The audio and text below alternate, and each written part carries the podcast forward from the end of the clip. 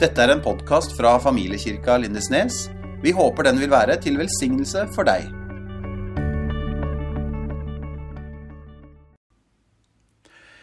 I dag starter vi en ny taleserie som heter Du og jeg, Gud. For det er nemlig sånn at Gud, han vil ha kontakt med deg. Han ønsker en nær relasjon med deg. Han ønsker å være sammen med deg, snakke med deg og koble med deg. Og han ønsker at vi skal høre hva han har å si, at vi skal høre hans stemme. Og i Paulus første brev til tesalonikerne kapittel 5 vers 20 og 21 så står det Forakt ikke profetord, men prøv alt og hold fast på det gode. Det profetiske, det å høre fra Gud, det er noe Bibelen oppfordrer oss til. Og det er dette som er fokuset i denne serien. Det profetiske, det å høre fra Gud. Det å høre Guds stemme. Og i Johannesevangeliet, kapittel 10, vers 2-5, så står det om oss at vi kan høre hyrdens stemme. Det står fra vers 2.: Men den som kommer inn gjennom porten, er gjeter for sauene. Altså Jesus, som er den gode hyrde, han er vår hyrde, og vi er sauene. Det står videre. Portvokteren, portvokteren åpner for ham, og sauene hører stemmen hans. Altså, vi kan høre stemmen til Jesus. Han kaller sine egne sauer ved navn og fører dem ut. Og når han har fått ut alle sine, går han foran dem, og sauene følger ham, for de kjenner stemmen hans. Det er et nøkkelvers. Vi kan kjenne og gjenkjenne Guds stemme. Men en fremmed følger de ikke. De flykter fra ham fordi de ikke kjenner den fremmedes stemme. Altså det å høre Guds stemme, det å høre fra Gud, det er en del av det å være kristen. Det er en del av pakka. Det å høre Guds stemme, det er en gave til deg når du tar imot Jesus. Og det kan vi få lov å holde fast på. At vi kan høre Guds stemme. Og vi leste jo nettopp at sauene hører stemmen hans. Og så vet jeg at det er ikke alltid lett, men vi kan holde fast på at Gud vil snakke til oss. Vi kan få lov å være grunnfesta i at Gud snakker til oss. Fordi det er litt sånn at hvis vi avskriver det, da, og ikke har noe tro på at det skjer, at Gud kan tale til oss, ja, da minker jo sjansen da, for at vi hører noe som helst. Så vi skal få lov til å være grunnfesta i at Gud ønsker å tale til oss. Og kanskje er det viktig her å klargjøre noe. For kanskje handler det ikke så mye om du liksom klarer å høre Guds stemme, men kanskje mer om du greier å gjenkjenne Guds stemme. Ikke så mye nødvendigvis å klare å høre den. For det er de færreste som hører en sånn, hører en sånn auditiv stemme. på en måte da. Det er jo noe inni oss, dette her. Men kanskje et godt skille kan være Det er ikke nødvendigvis å sånn, klare å, å, høre det liksom, fra et eller annet sånt sted, men å gjenkjenne hans stemme gjenkjenne hans stemme midt iblant alle andre stemmer. For det er ganske mange andre stemmer i samfunnet som spiller inn signaler fra media, eller som du har hørt på, eller, eller ting som foregår inni deg også. Tankene våre er ikke alle tanker som er fra Gud, langt ifra. Men kanskje vår jobb er å klare å tune inn på Guds frekvens. Klare å tune inn på hans stemme. Og hvordan skal vi klare det? Jo, én veldig viktig ting i å klare å høre Guds stemme eller å klare å gjenkjenne den blant alt annet, det er jo å bruke tid sammen med Gud. Hvis ikke vi er noe sammen med Gud sjøl, så er det jo vanskelig å klare å tune inn på hva som er hans stemme, og hva som er dine tanker, og hva du hørte på radio, og hva du hørte på en podkast. Så det å bruke tid med Gud, det å få til noen stopp i løpet av dagen, det å få en liten ro der du har noen korte eller lengre stopp hvor du sier 'Ja, Gud, her er jeg. Nå skal vi to være litt sammen, og du kan få lov å snakke med meg.' Det er en viktig ting når du øver opp evnen til å høre Guds stemme og gjenkjenne den. For det er altså ikke sånn at det gjøres sånn med en gang. Det er som en muskel vi må øve opp og, og greie det. Men da trenger vi også ha noen stopp i løpet av dagen med litt ro, sånn at vi kan få tuna inn og høre. For er et stort hinder ved å, å høre Guds stemme, det er jo ofte travelheten. Det er alt det der vi skal, sånn fra ene til det andre og ditt og datt. Og, og, mens vi skal til en annen ting, så hører vi gjerne noe på øret, eller vi skrur på noe musikk i bilen, og så skal vi dit, og så Da er det jo vanskelig for Gud å trenge igjennom. Sant? Så det å, å, å roe ned og få noen stopp, det er viktig. Sånn at du skal klare å skille ut hans stemme blant alle andre stemmer som spiller. For det som hadde vært fantastisk, det er jo hvis vi blir et fellesskap der vi ofte hører fra Gud. For det, Jeg vet ikke om dere har opplevd det, men noen ganger du kan fått en hilsen fra noen, eller du har opplevd at Gud har talt til deg som å få en klem fra himmelen. altså. Det er fantastisk. Og i 1. Korinterne 14, vers 3, som står det Men den som taler profetisk, altså den som hører fra Gud, da, den som taler profetisk, taler for menneskene til oppbyggelse, formaning og trøst. Altså et fellesskap som hører mye fra Gud, det er et oppbyggelig og godt fellesskap. Så vi heier på og hører mye fra Gud. Og husk også på, når du prøver å skille ut Guds stemme, så må du alltid holde fast på hvem Gud er. For Guds stemme det er aldri fordømmende stemmer. Det er aldri den der sånn 'Du er ikke bra nok', eller 'Du er ikke en god nok pappa', eller 'Du eller du burde ha gjort'. Det er ikke Guds stemme.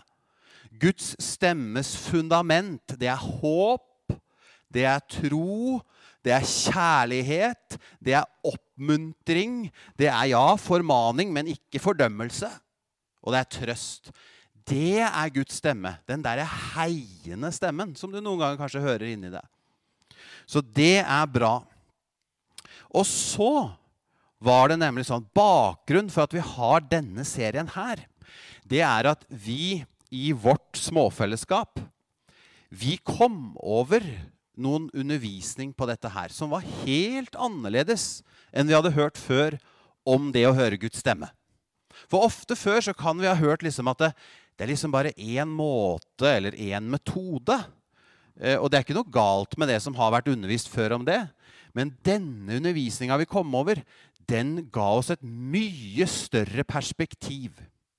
For her spilte det mer inn på hvem er du? Og hva, hva, spiller det inn på måten du hører Guds stemme på? Hva slags personlighet har du? Hvordan er du skrudd sammen? For det har mye å si på hvordan du hører Guds stemme. Det er altså undervisning av ei som heter Havila Cunnington, som er pastor fra Bethel Church i Redding i California, hvor denne undervisningen har kommet fra. Det er jo en kirke som har hatt stor innflytelse da, over store deler av verden de siste 10 åra eller 20 åra. Så det var fantastisk undervisning, og jeg tenkte dette må vi få ut i menigheten. Sånn at dere også kan få hørt dette her. Og på engelsk så heter den undervisninga 'prophetic personalities'. Altså ulike personligheter opplever det profetiske, det å høre Guds stemme, på ulike måter. Og da kan vi se på noen symboler her. Kan du ta Der, ja. Og da har vi fire ulike personligheter. Fire ulike typer som kan høre stemme. Og husk nå Dette er ikke liksom nødvendigvis den absolutte sannhet. Dette er ting som hun da, og, og de har observert og sett at det kan være ulike måter å høre Guds stemme på. Det betyr ikke at, at dette er den absolutte sannheten, men det er store kategorier. Og det spennende er om du kan klare å plassere deg sjøl inn i en av disse fire. Ok? Men de fire er altså de her. Den som er symbolisert med øyet der oppe, det er de visjonære. Det er litt den typen som ofte ser det store bildet som ofte får visjoner fra Gud. som ofte ser hva menigheten trenger litt i den store og den lange eh, banene. Ofte de som kan reise et sted og ser her skal barnehjemmet bygges. Å, sier alle. Ja, ok, her, ja. Ja, her. Og hør nå. Det betyr ikke at det er ingen andre som kan få visjoner. Men noen mennesker er veldig ofte der. At det, litt, det store, det visjonære, er veldig typisk en del av deres personlighet og måten de ser på, og måten de er med Gud på. Så de menneskene der, de hører Gud på en litt sånn måte ofte. Gud viser de sånne store ting, eller ser det store bildet, ser langt fram. Det er ofte de. Symbolisert med øyet. Og så har du de som han som står der. Eller han som står på scenen her. Som er de følsomme. Ja. De som har veldig mye følelser. Og det, der har jeg kjent meg veldig igjen. Og der kan det være litt annerledes å relatere til Gud. Det betyr ikke at jeg aldri kan få en visjon. Men det betyr at jeg oftere, og veldig ofte, er i følelser. Jeg orienterer meg veldig ofte i følelser. Hvordan føltes det? Hvordan opplevdes det? Hvordan sensa jeg det? De som er veldig følsomme og har mye sterke følelser, kan erfare Gud sånn at man kjenner Guds følelser. Man kjenner hva Gud føler overfor noen. Eller man kan oppleve å være veldig sensitiv og sense hvordan det er i et rom. Eller de kan oppleve å få følelser som er veldig sterke, som ikke gjelder dem sjøl, men som er på vegne av noen andre. Det er dette med følelser, de sterke følelsene, har en tendens til å prege det meste. Så betyr ikke at en som er visjonær, aldri føler noe. Det er ikke det det er snakk om. Men de følsomme de har en tendens til å ha veldig mye av det. det veit jeg sjøl. Så, så, det er mye av det. Det er bra. Og så har du eh, den som er der. Eh, de lyttende har vi valgt å kalle de. Og ikke sånn at du skal miste helt dette toget nå. For de lyttende det er, Hva forklarer dette her nå? De lyttende det er de som gjerne hører veldig mye fra Gud. Det fins noen som er litt der. At de hørte det, og så hørte de det. Og så så de det i Bibelen der. Og så du, eh, så de en bil som kjørte forbi, og den bilen den var i sammenheng med det første jeg hørte. Og så har de ofte sånne sekvenser hvor de kan fortelle en sånn lang fortelling av alt det Gud forteller. Det er det vi har kalt de lyttende. Gjerne de som ofte da også kan ha behov for å notere ned i en journal alt mulig hva de hører. Så, så det er den typen. Og så har du den siste, som er de intuitive. Og det er litt den typen som ofte bare vet hva som bør gjøres. Og det er ikke så mye sånn derre følelser. Det er ikke så mye refleksjon. Det er ikke så mye prosess. De bare veit det. Og jeg vil jo da si at jeg er gift med en sånn person. Som og der, der, er jo motsetningene de dras, Ja, det er jo sånn. Jeg er veldig veldig følsom eh, og kan lett plassere meg inn i han der. Jeg kunne også stått sånn som han. Og jeg, mens Maria da er, er, veldig der, har vi konkludert med. Og det betyr ikke at man er mindre åndelig fordi man er mindre følsom. For jeg kan jo komme hjem Jeg, vært, jeg hadde vært i Levanger og fortalt liksom, å, det var så sterkt. Og jeg datt ned og lå der, og det var så sterkt. Og da kan jo noen kjenne at ja, jeg er ikke så åndelig, jeg, da. Bare fordi at jeg har sånn klar tanke, som ofte Maria har. Men det kan jeg si sånn med, med hånda på hjertet. Jeg har ofte kjent Guds ledelse, og at jeg har fått ting fra Gud som har kommet da gjennom Maria. Det betyr ikke at Maria er Guds ufeilbarlige stemme. Eh, selv om mange damer har lyst til å tenke at de er det, da. så hvis jeg sier at 'Å, det er som å høre Gud når du snakker', Maria Det er ikke det jeg mener. Men jeg har veldig, veldig, veldig mange ganger opplevd at Maria har sagt ting til meg som bare ah, Det kjentes rett fra Gud. Men det var ikke så mye følelser i det for det. Men det betyr ikke at Maria er noe mindre åndelig enn meg. Selv om jeg har veldig sånn sterke opplevelser av ting. Så det er de fire hovedkategoriene. Igjen så er det ikke sånn at man er bare det ene eller det andre. Men det spennende er om du kan klare å plassere deg sjøl inn i en av disse her. Hvor er jeg mest hen? Hvor er jeg oftest hen? For da kan du komme på sporet av enda lettere å høre Guds stemme. Og det som vi opplevde i småfellesskapet, det var jo at dette også er litt nådefullt, da. Og respektfullt. Fordi at jeg kunne plutselig føle meg veldig sett, tenkte jeg. For en sånn slagside hos oss følsomme det er at vi lett kan skamme oss over at vi er så følsomme. Å, må du være så følsom, da. Må du være så, blir så lett vippa av pinnen. Men plutselig kunne jeg kjenne at nei, jeg er skapt sånn, jeg. Gud, han ville at jeg skulle være sånn. Han ville det. Og han bruker til og med følelsene mine til å snakke til meg. Eller til å gjøre noe for andre. Mens f.eks. Maria kan jo noen ganger kjenne på en sånn ja, Er ikke jeg åndelig, for at jeg går liksom ikke så veldig i det? og sånn. Jo, du er like mye åndelig. Men det er bare Gud har skapt oss forskjellig. Og det er veldig viktig i vårt fellesskap at vi ser på hverandre nådefullt og med respekt. At Gud han har skapt oss forskjellig med en hensikt. Og da kan vi se nådefullt og respektfullt på hverandre. Og Det er veldig flott. og Det var en sånn, åh, det var deilig å få den bekreftelsen på at det er ok å være sånn som du er. Og det er en hensikt med det. Så det var veldig flott. Så det er altså de fire ulike. Og i dag så skal jeg gå litt inn i da eh, den eh, som er eh, min, eller den som jeg kjenner meg mest igjen i da, som er de følsomme. Så det er dagens.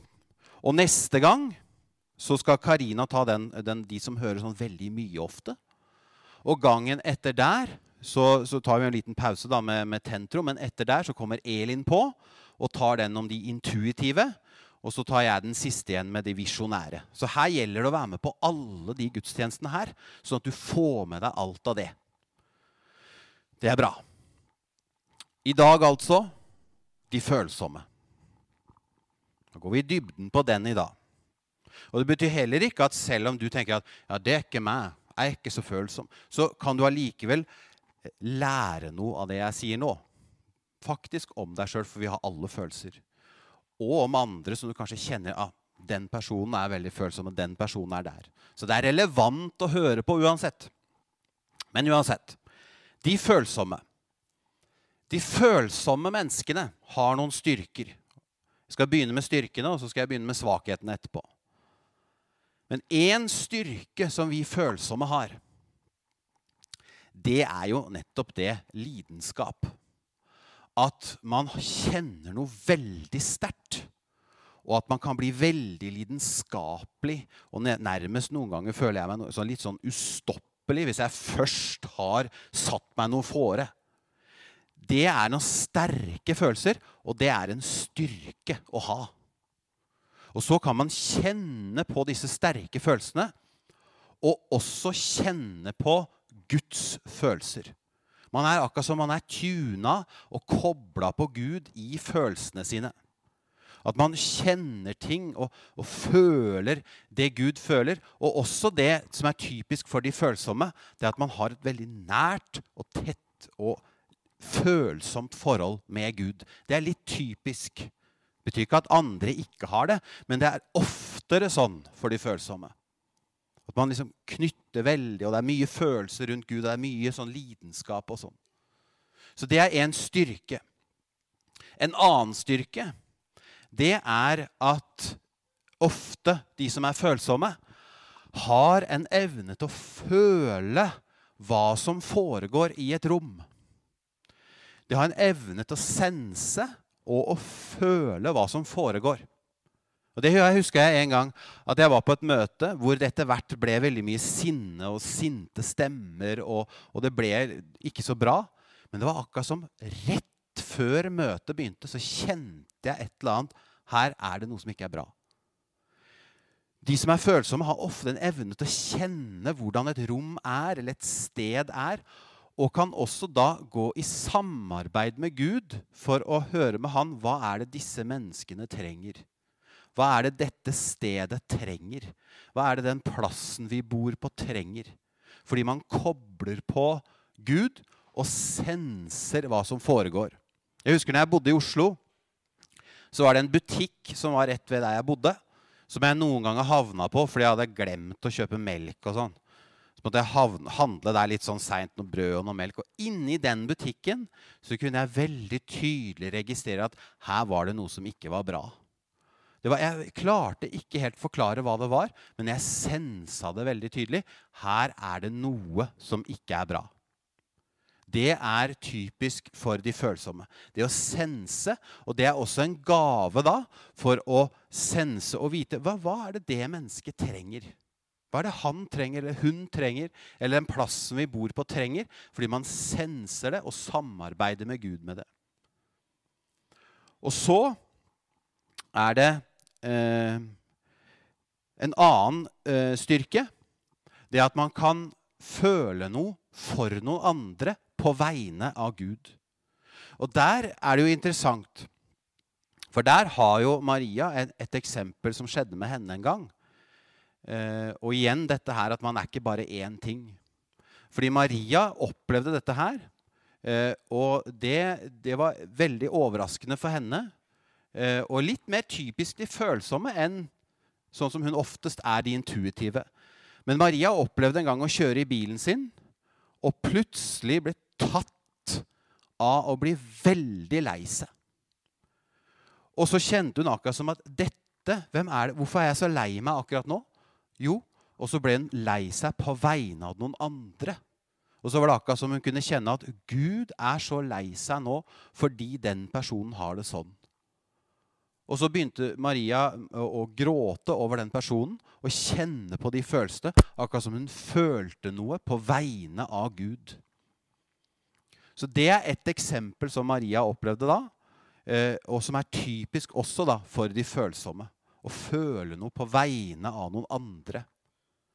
Så styrkene til de følsomme er jo rett opp, nettopp følelsene. Og at Gud bruker de som et instrument både til å snakke og, og relatere til oss, men også på vegne og for andre. Så hvis du sitter her og er følsom, så har du veldig mange styrker som går på dette her. Så du må ikke forakte at du er følsom. Det er veldig viktig. Er Gud har skapt deg på den måten. Vi kan se her Altså styrkene til de følsomme erfarer Guds følelser, som jeg eh, forklarte litt om nå, episoden til Maria der. Erfarer Guds følelser eh, senser og føler hva som foregår i et rom. Og kan være veldig effektiv til å være med å be for en situasjon, for eksempel, fordi man har sensa, man har følt det. Og også det med å ha rett og slett sterke opplevelser med Gud og være nært knytta og ha den lidenskapen. Det er styrkene til de følsomme. Og så har de følsomme også svakheter, og det skal vi gå gjennom eh, eh, på alle de fire typene. da. Men våre svakheter det er jo de her. Dette at følelsene kan dominere for mye. Ja. Det er veldig typisk også, dessverre. At det er litt sånn vanskelig noen ganger å komme seg videre. Hvis det ikke føles helt riktig. og, og, det er sånn, hvis, Fordi følelsene blir så sterke, så er det vanskelig noen ganger å gjøre noe. fordi jeg vil ha vekk den vonde følelsen først. Altså Følelsene tar oss ganske mye på godt og vondt. Det er en av svakhetene da, til de følsomme. Og så kan også de følsomme ta mye plass. Ja. Det har jeg gjort f.eks. I, i småfellesskapet. At jeg, jeg, er så engasjert og føler så mye hele tiden. Og da etter hvert så tar jeg så mye plass òg. For vi dominerer noen ganger rommet. Og det er ikke noe sånn pekefinger, men det skal man være litt obs på hvis man er veldig følsom eh, og kan snakke, da, så kan man ta mye plass. Så sånn, et steg i modenhet for oss følsomme, det er jo rett og slett for det, for det første på den der, da. å gjøre ting selv om det ikke føles så godt. Eller ta seg litt i vare for, og ikke ta for mye plass fordi jeg, føle, jeg føler det, og det må vi snakke om, og jeg føler det, og det må vi snakke om. Sant? Og så en annen svakhet, eh, eller som er en sånn slagside, jeg skal forklare det, men at de følsomme undervurderer følelsene sine uten å se at Gud bruker de. Og det er også litt sånn, Hvis du er følsom, så kan du ha fått signaler fra andre opp igjennom, eller av deg sjøl eller av den onde, eller hvor er det kommer fra, med at 'Åh, du er så følsom, kan ikke du bare ta deg sammen?' Det må være noe gærent med deg, liksom, du som føler så mye sånn som det der. Og da kan det være at de følsomme, hver gang du får en følelse, så er det sånn 'Åh, slutt å føle nå, da'. Åh, kan ikke du stoppe opp med det? Sier man til seg sjøl da. Og så avviser man sine egne følelser uten å anerkjenne at det faktisk er deg, og at det er noe Gud har lyst til å bruke. Så det er en sånn slagside eller en svakhet for oss følsomme. Å ikke liksom sette faktisk pris på de følelsene. Og tenke at Gud, hva er dette her for noe? Og gå sammen med Gud og be med Han om det. Så det er styrker og svakheter. Og så er det ja, hvordan kan vi følsomme vokse? Og de, Disse punktene sånn vil det også være for de fire andre òg. Liksom styrke, svakheter og hvordan man kan vokse som den personligheten. Én måte å vokse på for oss følsomme, det er nettopp som jeg nevnte, å klare å gjøre ting på tross av følelsen. Og dette gjelder jo for alle. Alle oss. Følelser de snakker ikke alltid sant. Så selv om man blir veldig tatt av en følelse, så kan det hende at man er nødt til å gjøre en arbeidsoppgave uansett. Så modenhet for oss følsomme, det er å klare å gjøre ting litt til tross for hva vi føler. Og ha en liten sånn koll på følelsene også, selv om man verdsetter dem. Det er en sånn dobbel der. Men det å greie å si 'Dette føler jeg nå, men jeg tar ikke så hensyn til det akkurat nå' det er en modning for de følsomme. Og så En annen ting for de følsomme som er veldig viktig, det er å være forankra i Guds ord og i Guds sannheter, sånn at man aller mest kan stå fast i det, og ikke hva man føler. Igjen her så er det en sånn dobbelthet. Ja, man skal verdsette de følelsene, men det viktigste er hva Guds ord sier, og hvem han er. Så, så, det er veldig viktig for de følsomme å ha en forankring i Guds ord og hvem han er, mer enn å, å alltid la seg ta av følelsen eller alltid la seg rive med. Og så er den siste som, ting som er veldig viktig for de som er følsomme. Det er å lære seg å ha et liv, et bønneliv, sammen med Gud der man ber seg gjennom det man føler. At man ikke avviser det, men at man går sammen med Gud og ber gjennom. Hva er det jeg føler nå? Og så spørre Gud hva er det jeg føler, og hvorfor føler jeg det? Og også lære seg noen verktøy til å håndtere sine egne følelser sånn at man blir god på det. For det å ha veldig mye følelser, det er også veldig slitsomt. Det kan jeg bare si. Særlig hvis du føler noe sterkt overfor deg sjøl, eller noe sterkt Hvis man da f.eks. føler noe sterkt overfor andre. Og det å lære seg, hvis du er følsom, å be med Gud gjennom følelsene, og jobbe seg gjennom, og ha noen verktøy til å håndtere sine egne følelser, det er veldig viktig for de følsomme. Så det er sånn de følsomme kan vokse. Og så vil jeg til slutt si Hvis du er en av de, sånn som meg, som er de følsomme, så har jeg lyst til å si til deg i dag du skal ikke skamme deg over det. Du skal ikke skamme deg hvis du har sterke følelser og ofte opplever deg som følsom. Du, som alle andre, trengs i Guds rike. De følsomme de er velkomne i Guds rike. Og hvis du har hatt, fått signaler av andre på at du er så følsom, eller du blir så lett vippa av pinnen, kan du ikke bare skjerpe deg, eller kan ikke du være mer rasjonell? Så jeg har bare lyst til å si at du skal ikke skamme deg over å være følsom, men du skal verdsette det. Skal du vokse, selvfølgelig, ja. Men du skal verdsette at du er følsom, og, og ikke skamme deg over det. For det er sånn Gud har skapt deg. Det er sånn han har skapt deg. Og han skapte deg sånn fordi han ville at du skulle være sånn.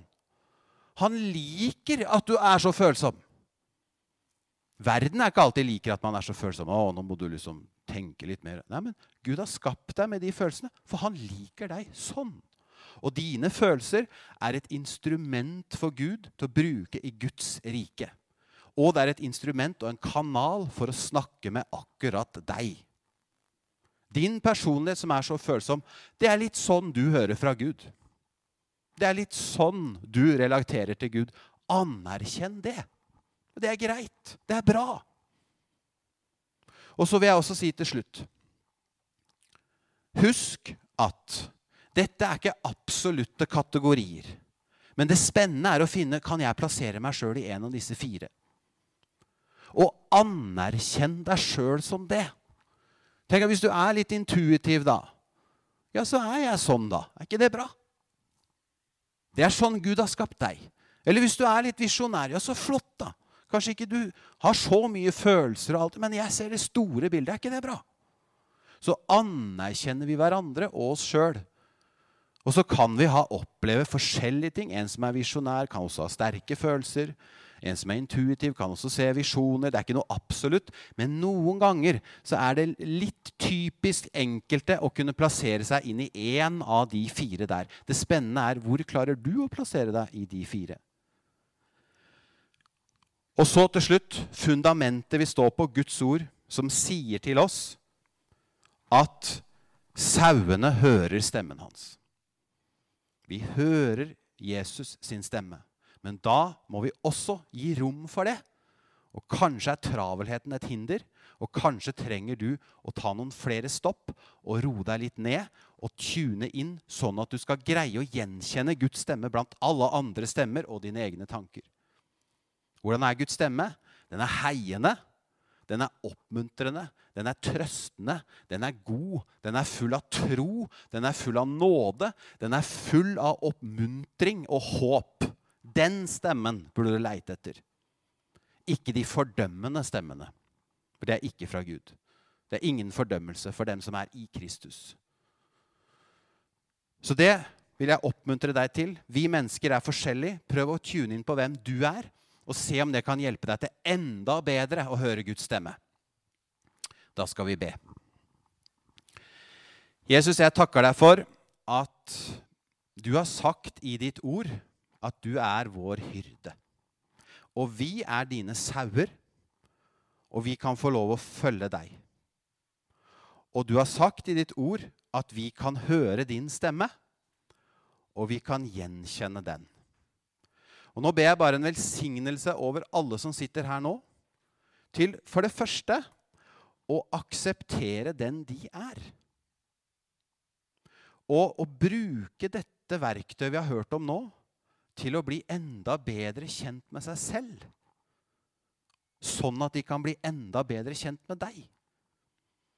Hjelp oss å gi nåden til å se nådefullt på oss selv og på andre og åpne våre hjertes øyne nå, så vi kan se hvem, hvem, vi er, sånn at vi enda bedre kan ha relasjon til deg og komme tettere til deg og enda bedre høre din stemme. Velsign oss i den reisen vi kan gå på her. Velsign oss gjennom denne serien, sånn at vi kan komme tettere på deg og få enda mer profetord og ting vi hører fra deg for oss enkelte og for oss som fellesskap. Det ber vi sammen om i ditt navn, Jesus. Amen. Tusen takk for at du hørte på vår podkast. Følg oss gjerne på vår Facebook-side Familiekirka Lindesnes.